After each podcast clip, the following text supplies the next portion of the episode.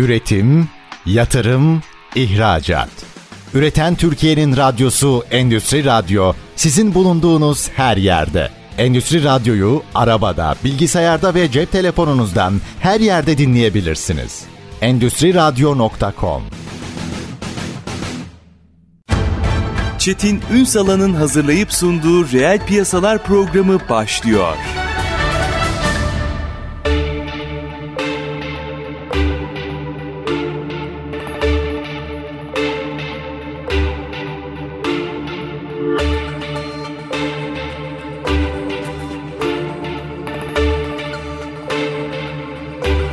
Reel piyasalardan merhabalar. Türkiye'nin gerçek gündeminde birlikteyiz. Efendim afet dönemine şu anda hepimizde sıcak ama belli başlı noktaları hatırlatmakta fayda var. Biliyorsunuz olay yaşandıktan sonra elektrikler kesildi ki bu doğru. O açıdan baktığınızda olası yangınları önlemek adına zaten Allah rahmet eylesin Ahmet Mete Işıkkara bu konuyla ilgili çok bilgi aktarmıştı. Fakat sonrasında doğal olarak hasarla birlikte orada bir elektrik problemi yaşandı. Bu konuyla ilgili farklı farklı eleştiriler, savunmalar hepsi oldu. Bunları ayrıca tartışırız. Ama aslında elimizde bir teknoloji var, gelişen bir teknoloji var.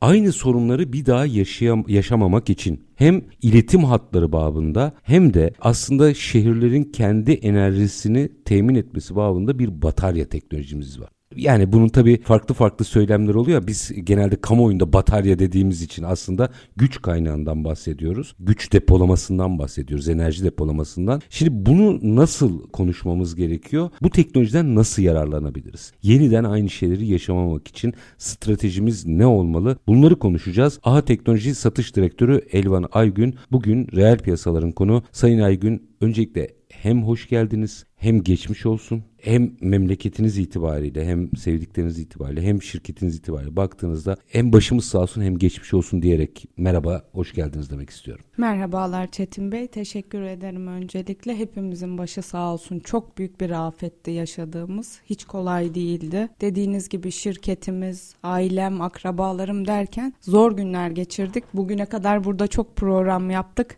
Hepsinde keyifli konuşmalarımız vardı. Bugün artık o keyifli konuşmalar yerini konuştuğumuz şeylerin gerçeğe dönüşmesiyle buldu hoş değildi ama şu an artık yapabileceğimiz bir şey yok. Bugüne kadar önlem almadığımız için artık bundan sonrası için konuşabiliriz. Ne yapabiliriz? Ne yapabiliriz'i yani. konuşmak durumundayız. Enerjinin aslında ne kadar önemli ve hayati olduğunu gördük her aşamada. Kesinlikle öyle. Arthur Mellon'ın bir sözü var. Beceriksiz birinin 2 dolara kötü yaptığı bir şeyi 1 dolara iyi yapma sanatına mühendislik denir. Yani mühendislik bir hesap yapabilme sanatıdır en temelinde. Hı hı.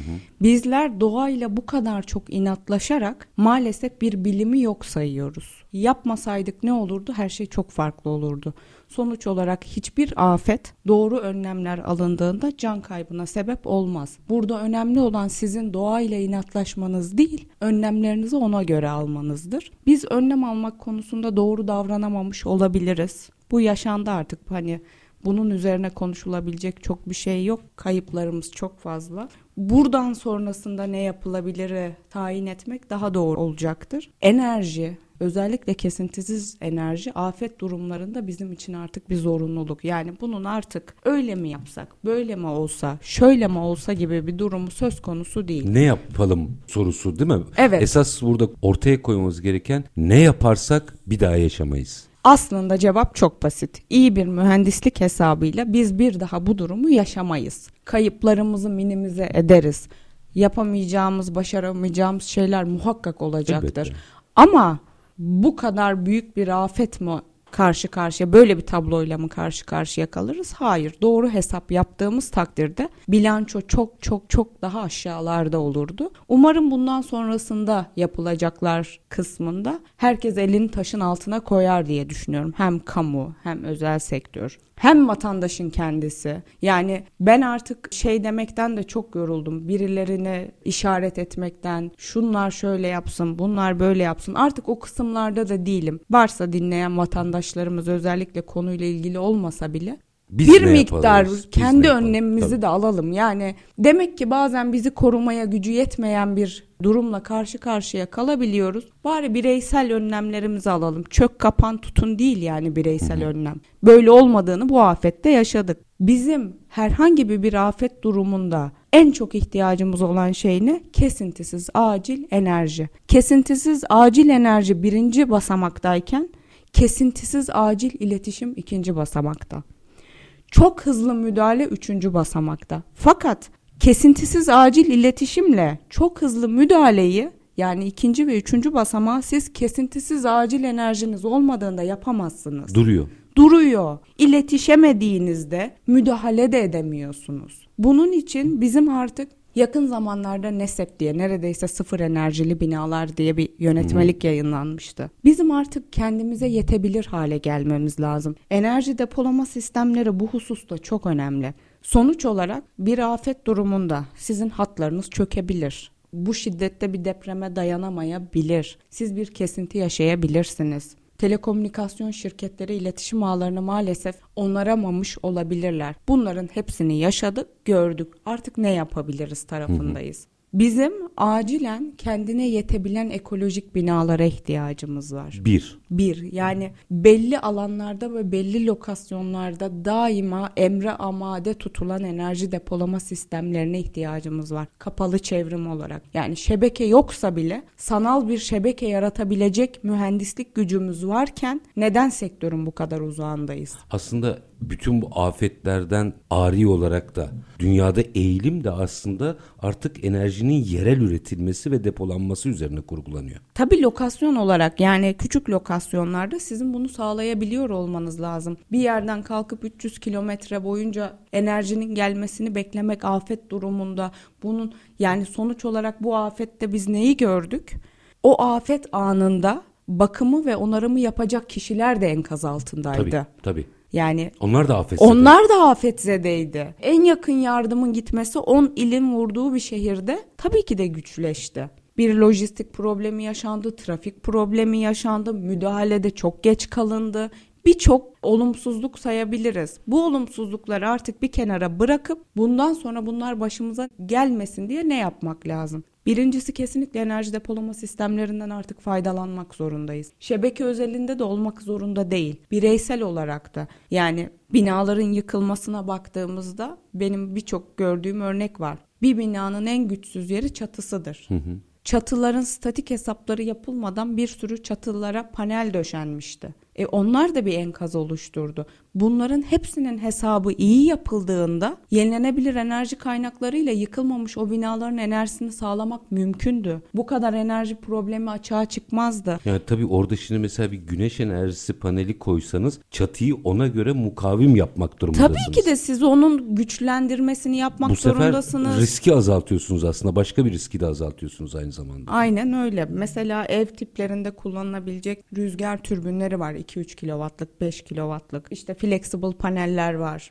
daha hafif Bunları tercih edebilirsiniz. Sonuç olarak siz kendi binanızın enerjisini bile sağlayabilirsiniz şebeke hiç yokken. Enerji depolama sistemi güneş artı res. Hadi güneş yoktu ne yapalım gibi bir durum da söz Orada konusu depolama değil. Geliyor işte Orada yani. da depolama ve rüzgarın devamlılığı ile birlikte enerji üretimini sağlayabilirsiniz. Bizim burada kesintisiz, ucuz ve temiz enerjiye afet durumlarında hayati olarak ihtiyacımızın olduğu açığa çıktı. Bunun için artık bundan sonraki yapılaşma yapılırken bu hesaplar göz ardı edilmemeli. Yani biz aslında bu olaydan önce hep konuşuyorduk zaten sizde ama bu olaydan sonra depolanabilir enerji meselesine bir kere galiba farklı bir gözle bakmamız gerekiyor. Bunu anladım. Tabii eskiden enerji üretim santrallerinin enerji depo bu arada biz bunu çok konuştuk da önceliği kaçırıldığı için hep santraller bazında gitti. Hı hı. İşte enerji üretim santralleri dengesizliklerini dengelemek için ya da birçok farklı sebepten depolama kursun. Yenilenebilir enerji kaynaklarını sisteme entegre etmek, baz yük oluşturmak açısından problem olabilir. İşte her daim sisteme verilebilir bir güvenlik stoğu olsun diye hep enerji üretim santrallerinin depolama kurması üzerine konuştuk. Ama öncesinde baktığımızda biz kendimiz de birçok yerde ekolojik bina uygulaması yaptık. Güneşi ve rüzgarı kullanarak. Bunlar hep ayakta kaldılar, hep fayda sağladılar deprem anında. Burada Bunu bir sorabilir miyim? Şimdi tabii bütün sistemimizi hep destek diye kurduk. Burada bizim mevzuatla ilgili de madem bakış açımızı değiştireceğiz. Mevzuatla ilgili bir değişikliğe gitmemiz gerekiyor mu?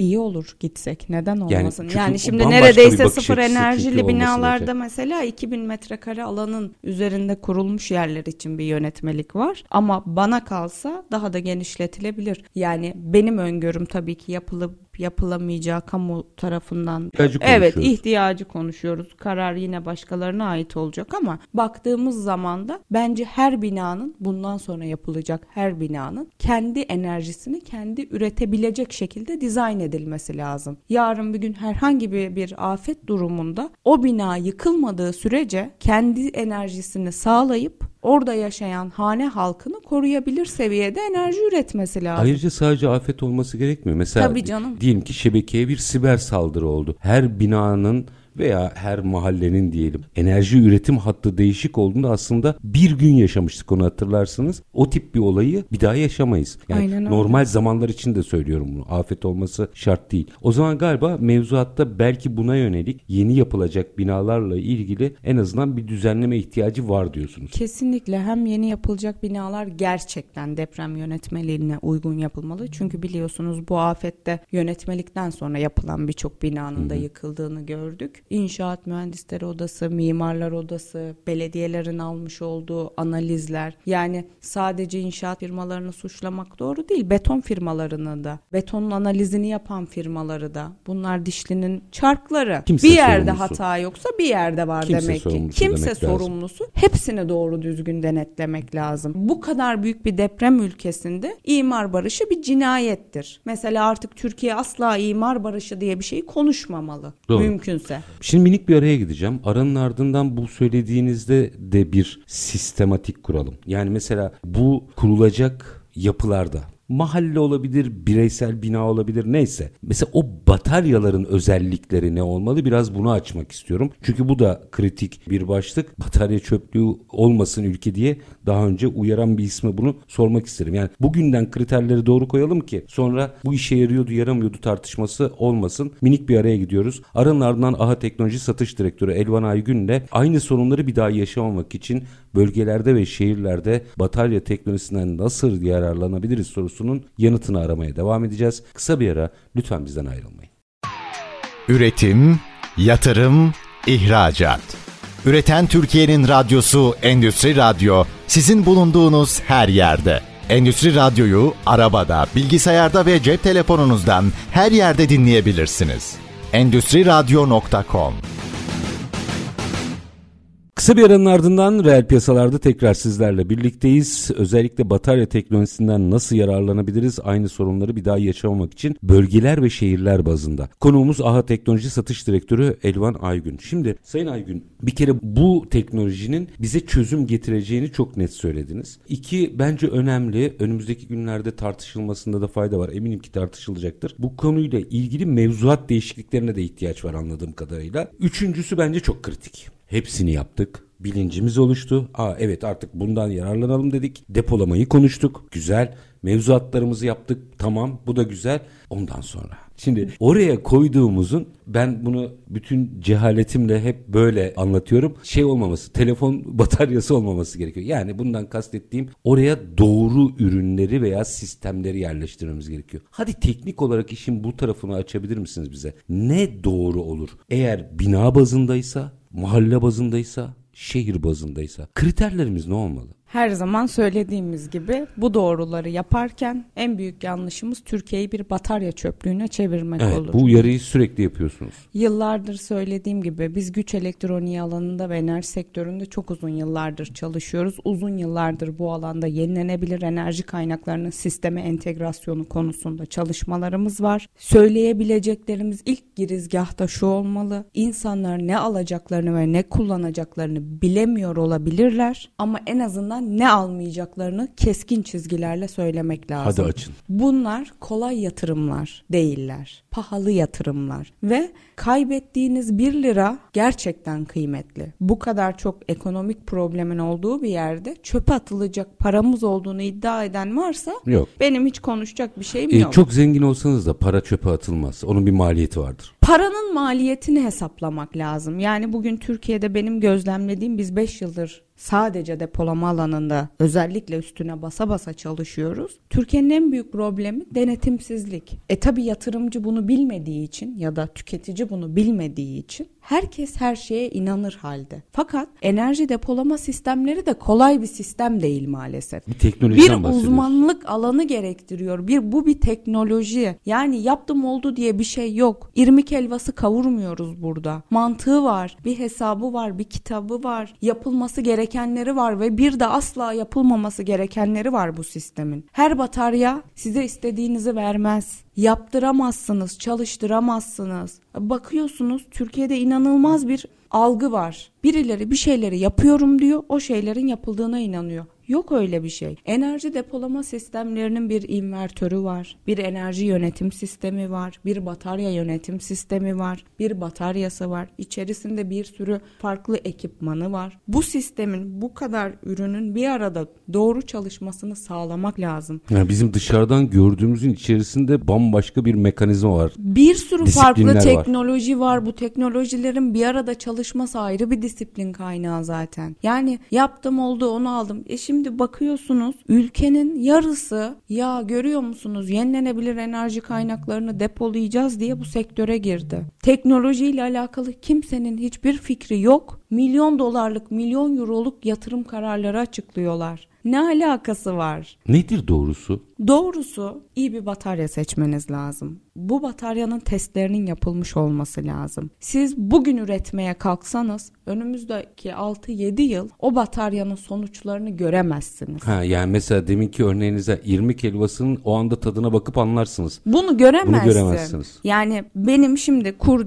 kuracağım enerji depolama sistemine 10 yılın sonunda vereceğim taahhütler var. Ben diyeceğim ki 10 yılın sonunda bu değerler şuralarda olacak. Bu invertör şöyle çalışacak. Bu bataryanın kapasitesi buralara gelmiş olacak. Bataryada kullanıla kullanıla ömrü düşen bir sonuç olarak Çok, ürün. Yani basit e, ama hep oradan örnek verin. Cep telefonu Cep telefonu yani. gibi ilk başta 20 saat giden şarj belki 3-4 yıl sonra daha düşük, daha kısa zamanlarda tüketilmeye başlıyor. Yani e, siz bugün ürettiniz hiç sahada testi yapılmamış, hiç şebeke görmemiş batarya, doldur boşalt yapılmamış, kullanılmamış. Neyin garantisini vereceksiniz? O doldur boşalt kritik bir şey galiba değil mi? Ya bataryanın sınıfları var. A sınıfı bataryalar, B sınıfı bataryalar, C sınıfı bataryalar. Bizim burada enerji depolama sistemlerinde öngördüğümüz 1C dediğimiz yani bir saatte şarj, bir saatte deşarj olan bataryalar. Ama mesela işte kullanıcı bunu bilmediği için elinde bir batarya teklifiyle geliyor. İşte siz bu kadar kadar dediniz. Ötekisi berikisi şu kadar dedi. O da batarya bu da batarya. Yok arkadaşım o da batarya bu da batarya diye bir şey yok. O batarya 4 saatte doluyor ya da 2 saatte doluyor. Bu batarya 1 saatte doluyor. Niye önemli bu? Niye önemli? Çünkü şebekeye arz etmeniz gereken bir enerji var, bir süre var. Yani o batarya ile yapabileceklerinizin limiti kısıtlı olur. Sisteme ne kadar hızlı tepki verirseniz o kadar başarılı olursunuz. Enerji yönetmek demek milisaniyelik bir iş. Bizim kendi invertörlerimiz 20 milisaniyede sisteme tepki veriyor. Yani dünyanın en hızlı teknolojisi. Bundan daha hızlısı yok. Şu an yok. 20 milisaniyede yani bir cycle time'da şebeke daha hiçbir şeyi hissetmeden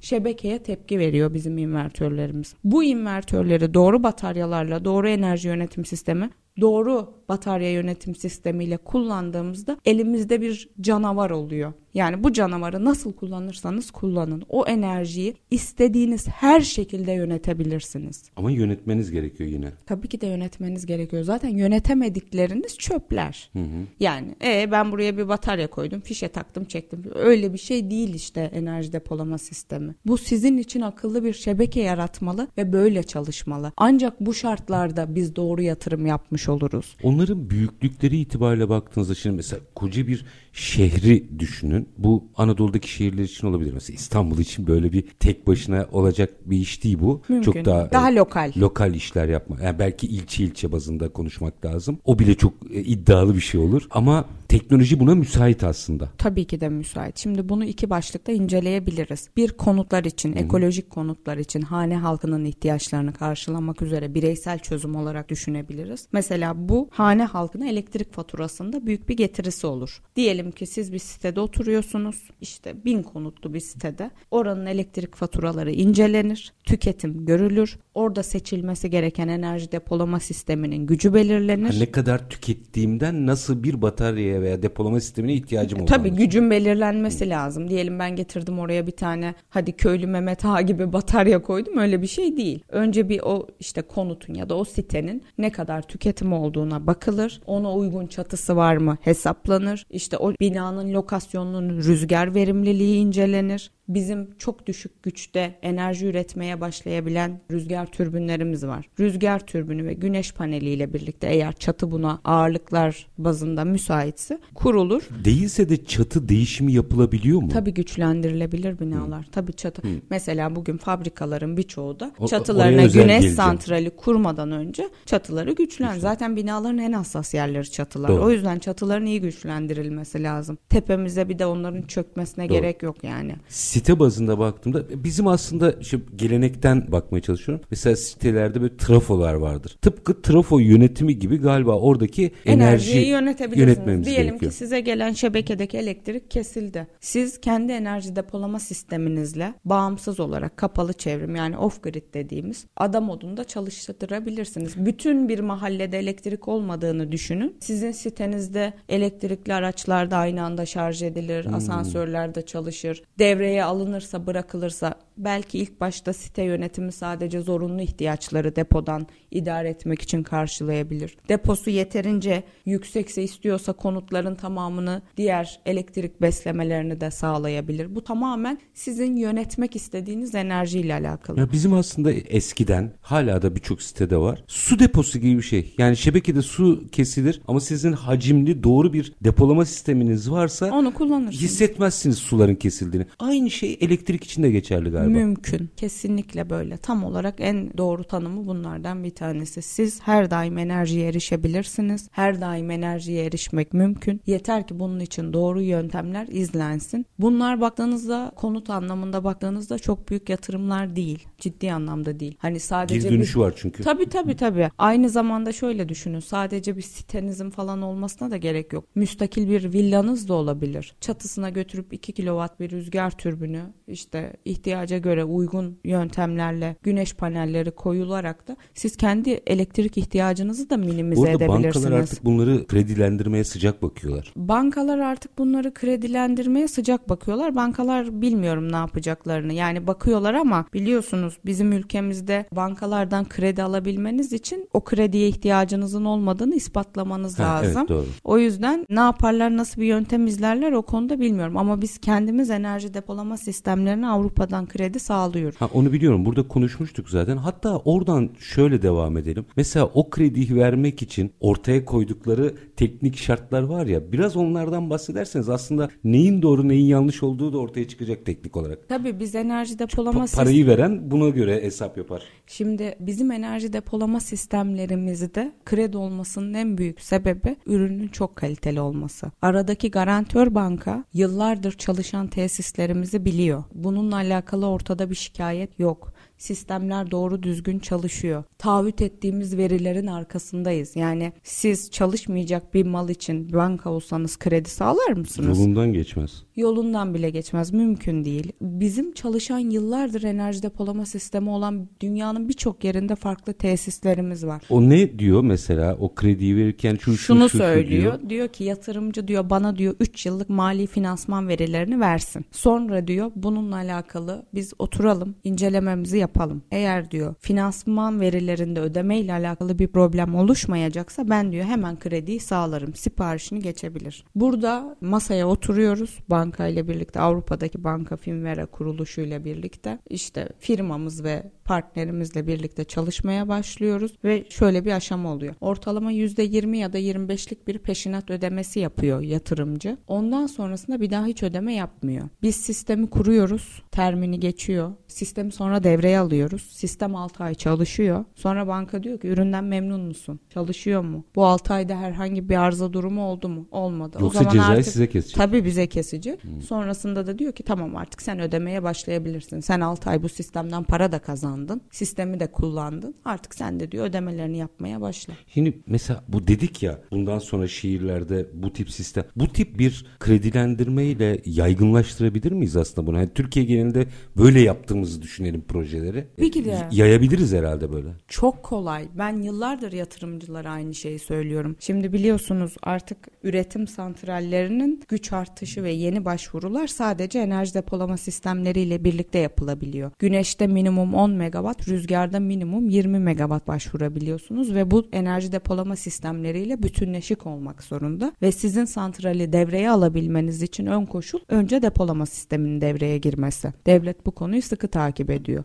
Bundan sonra da artık lisanslar böyle verilecek. Şu anda da işte herkes başvurusunu neredeyse tamamladı. Değerlendirme aşamasında EPDK'da. Kuvvetle muhtemel artık görüş bildirimi için hatların müsaitliğine göre TEİAŞ'a devredecekler O, başvuruları. o noktaya geldik yani. Tabii tabii geldik çok şükür. Ekip o konuda iyi çalıştı sağ olsunlar. Buradan teşekkür ediyorum EPDK ve TEİAŞ'taki yetkili arkadaşlara sıkı çalıştılar o konuda. Çok inanılmaz bir talep yoğunluğu oldu. O da benim için mesela Çok güzel. mesela. anlamsızdı. İns- in- insanlar demek ki buna inanmış. Yani şimdi orada da şöyle bir şey var. Durun orada nasıl bir şey var onu bir virgül atayım.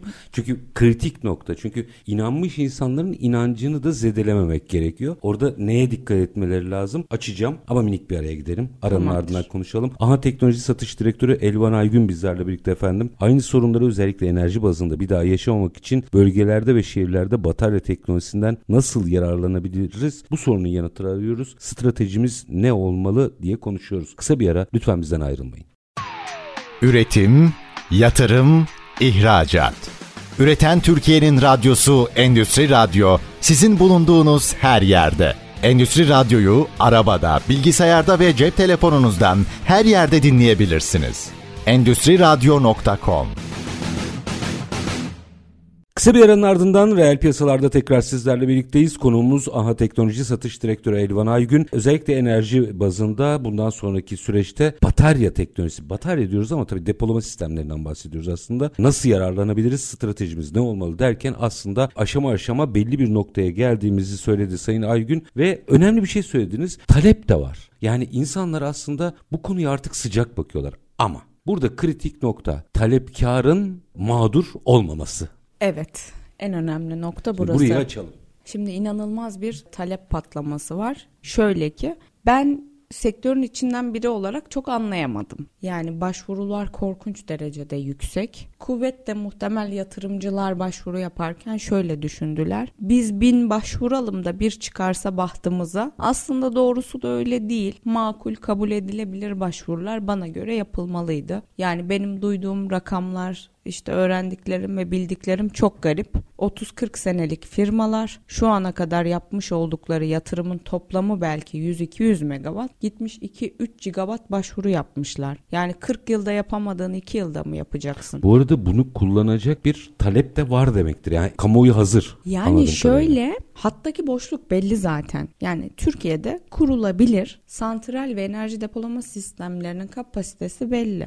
Ortalama 27 ile 30 gigawatt arasında şebekede kabul edilebilir oranda kurulabilecek Şu an için Evet bir yatırım var. E başvuru 300 gigawattın üstünde. Yani Türkiye'nin kurulu gücüne bakıyorsun. Yenilenebilirin içerisindeki payına bakıyorsun. Bir de yatırımcının yapmış olduğu başvuruların tamamına bakıyorsun. Ortada rakamsal olarak bir gariplik var. Çok yoğun bir talep var ama talepte bulunanların bununla alakalı bir fikri var mı derseniz bence yok. Yatırımcı bence yapabileceği kadar daha makul seviyelerde başvurmalıydı. gerçekçi rakamlar. Daha gerçekçi rakamlar yani o kadar uçmanın o kadar yapılabilirliği olmayan şeylerin peşinde koşmanın bana göre çok bir manası yok. Bu yatırımın bir kere maliyeti var. Yani Ama şey diyorsunuz mesela EPDK ve TİH'teki anladığım kadarıyla bu konuyla ilgili kişiler konuya vakıf. Tabii Bunu canım, gördüğü onlar- anda anlar zaten. Yani tabii ki de işte onlar da şöyle düşünün sonuç olarak bir kurum. Başvuru Yapacak şey gelmiş tabii, ne diyecek şey yani?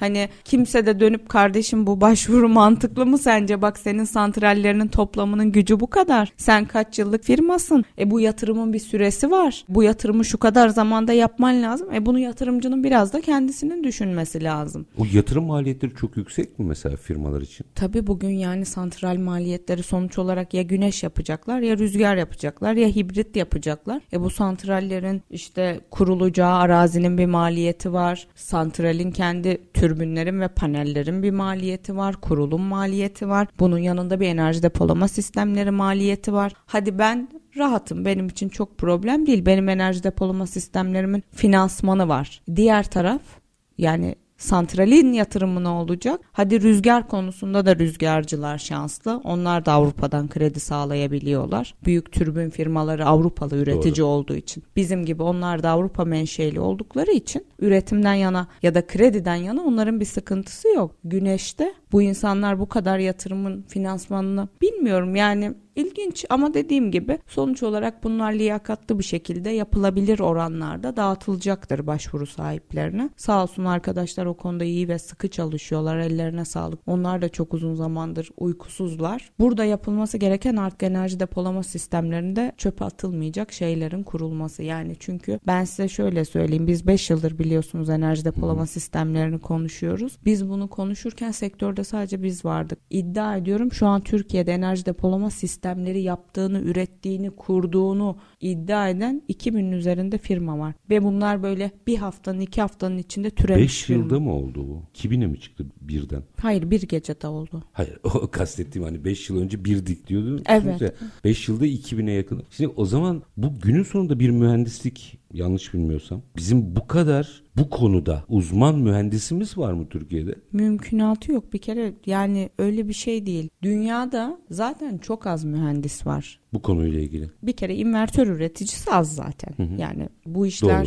PV invertörle yapılacak işler değil. Solar mesela işte sektörde şunu birbirine karıştıranlar var. Solar invertörle yaparız falan. Onlar ayrı teknolojiler. Herkesin ve her şeyin yapabileceği şeyler birbirinden farklı. Şebeke yönetmek için gerçek bir invertöre ihtiyacınız var. Bunu da zaten dünyada üreten 2-3 tane firma var baktığınızda. Öteki tarafa dönüyorsunuz. Dünyanın en büyük batarya üreticileri Çin'de. Ciddi anlamda. Ve bu Çin'deki batarya üreticileri de şöyle değil. Hepsi iyi batarya üretiyor. Yok öyle bir şey. İki tane tane firma var çok iyi batarya üreten. Diğerleri neredeyse çöpe yakın. Sizin uyardığınız nokta. Evet yani sen şimdi getireceksin alacaksın uzak doğudan bilmem neli bataryaları. E adamlardan test raporu istiyorsunuz. Çok ciddi söylüyorum pdf'de düzenleyerek batarya test raporu gönderiyorlar. Öyle bir yalancılık öyle bir kandırmacı olabilir mi? Bunun test raporu böyle bir şey değil ki. Kir çok şanslıyız bence. İşin başında olduğumuz için çok şanslıyız. Bugünden dikkatli olursak sıkıntı yaşamayız sanıyorum. Bugün ya, dikkatli olmamız gerekiyor. Bugün yani. dikkatli olmak Yatırım yaparken. Çok önemli o bataryanın kullanılabilirliği yani aldığınız batarya bir ay sonra çöpe de dönebilir bir yıl sonra da çöpe dönebilir. Minimumda sizin bu teknolojiyi 10 yıl düzenli olarak kullanabiliyor olmanız lazım.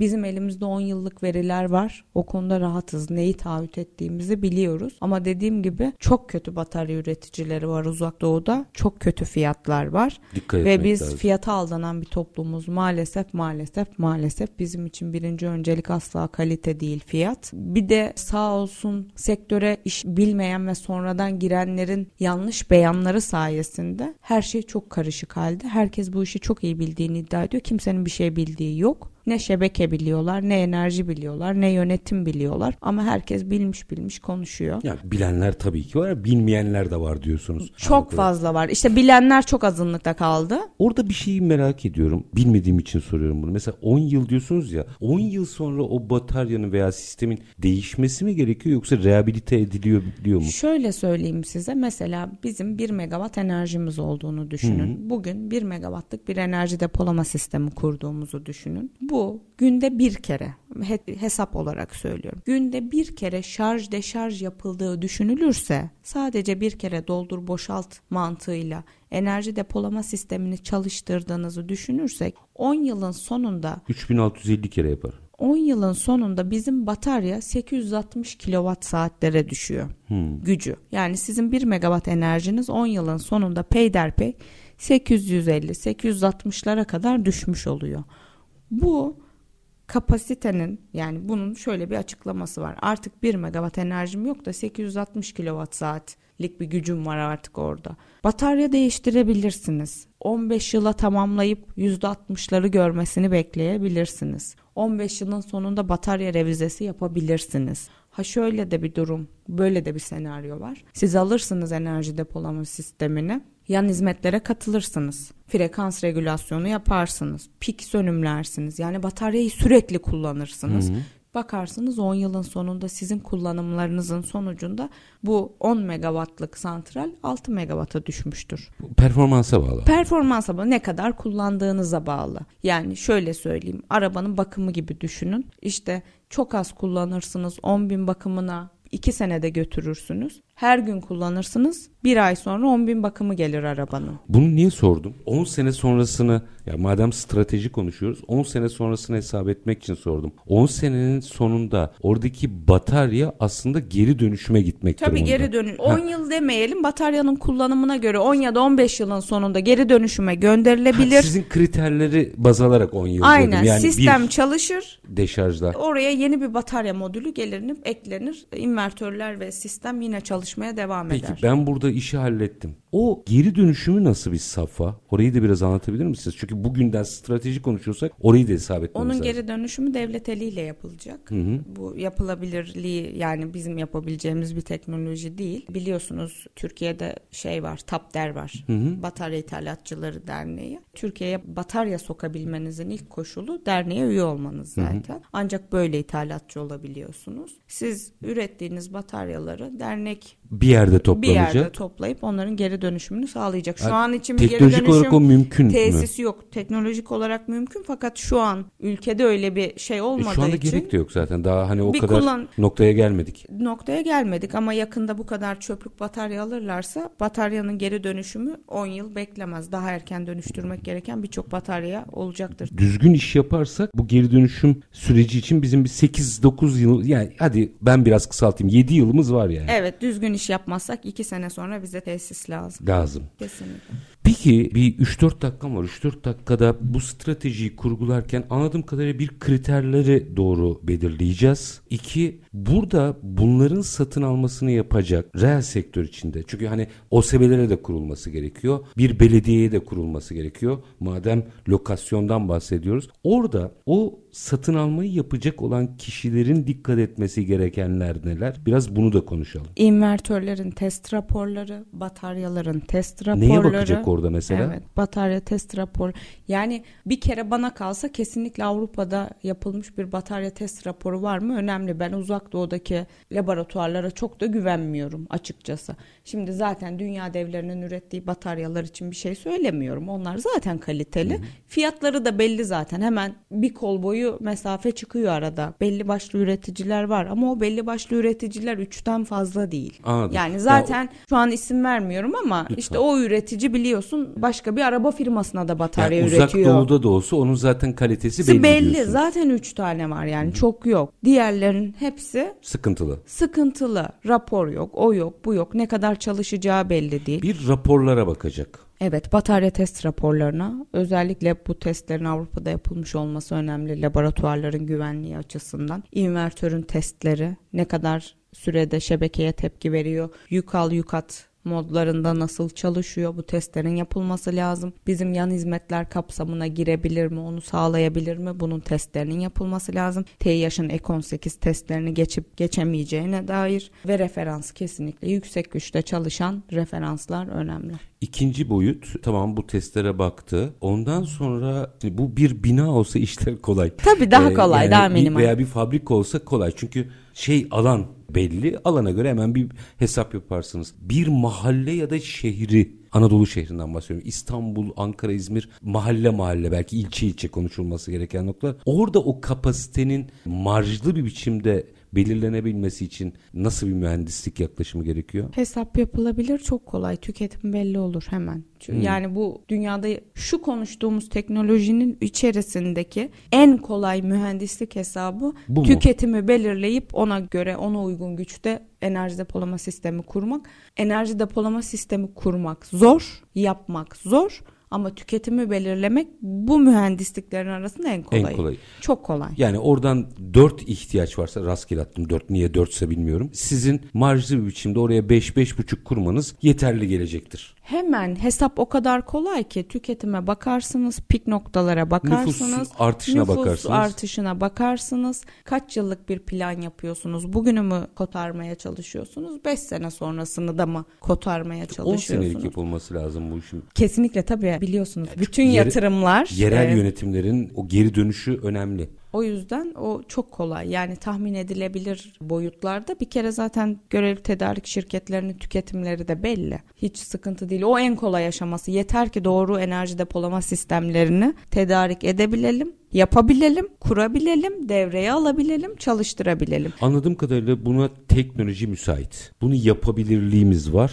Biraz daha kararlı olup bu konuyla ilgili projelendirmeyi konuşmamız gerekiyor. Gerisi kolay galiba. da. Aynen öyle. Bizim öncelikle bunu yapmaya gönlümüz olmalı. Yani bizim artık herhangi bir durumda enerjiye muhtaç kalmadan, herhangi bir şebekeye muhtaç kalmadan yenilenebilirden enerjimizi sağlamaya gönlümüzün olması lazım. Gerisi süreç Gerisinde bu teknoloji var. Mühendis hesabı yapabilir durumda. Zor değil. Yeter ki doğrusunu yapmaya gayret gösterelim ki paramız çöpe gitmesin. Aha Teknoloji Satış Direktörü Elvan Aygün çok çok teşekkür ediyorum. Evet böyle bir e, süreçte geldiniz. Bizle çözümü konuştunuz, stratejiyi konuştunuz. Tekrar size de, sizin nezdinizde de bütün illerimizde yaşayan ve bütün Türkiye'deki herkese geçmiş olsun diyorum. Aslında bu kadar zor bir süreçte gelip bizle çözümü paylaştığınız için ayrıca teşekkür ediyorum. Bir afetzede olarak çok teşekkür ederim şahsım ve şirketim adına. Bu imkanı sağladığınız için ben teşekkür Sağ ederim. Bugüne kadar keyifli konuşmuştuk. Bugün acılarla konuştuk. Bundan sonra artık doğruları yapmak için yolumuza bakacağız. Hepimiz elimizi taşın altına koyacağız. Bu ülke bizim.